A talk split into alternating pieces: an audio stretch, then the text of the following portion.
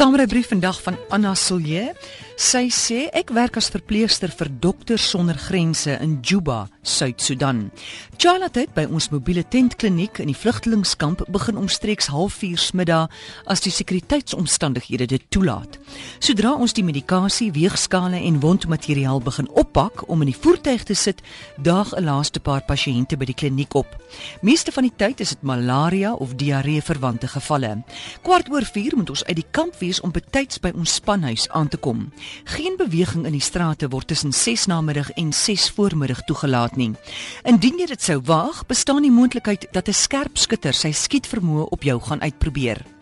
Wanneer ons uiteindelik by die kliniek vertrek, is die spanlede saam met die bokse mediese materiaal agter in die vierwiel aangedrewe voertuig ingedruk. Ons lyk omtrent soos sardiens. Nou ons wil nie die vensters van ons voertuig weens die hitte toemaak nie en is genoodsaak om die stofwalms te verdra. Onwillekeurig glip my gedagtes na ons pasiënte en die gebeure van die afgelope tyd. Daar is 12000 mense in die kamp waar ek werk. Hulle bly in 'n gebied so groot soos Soccer City met sy parkeerarea. Die voorkoms van aansteeklike siektes soos kolera, en respiratoriese infeksies is hoog in omstandighede waar die bevolking volking so dig is. Gewoonlik is daar dan ook beperkte drinkwater en sanitasiegeriewe is beperk. Babas, peuters en kleuters is maar meestal die eerste slagoffers van hierdie oordraagbare siektes. Die son is besig om te sak. Dis die einde van nog 'n skietvrye dag.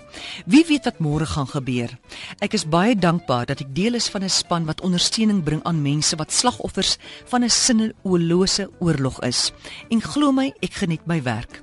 Maar in my dieptes van my hart pleit ek dat ons as Suid-Afrikaners proaktief sal optree en nie toelaat dat ons land ooit aan sulke vernietigende interne konflik onderwerp word nie.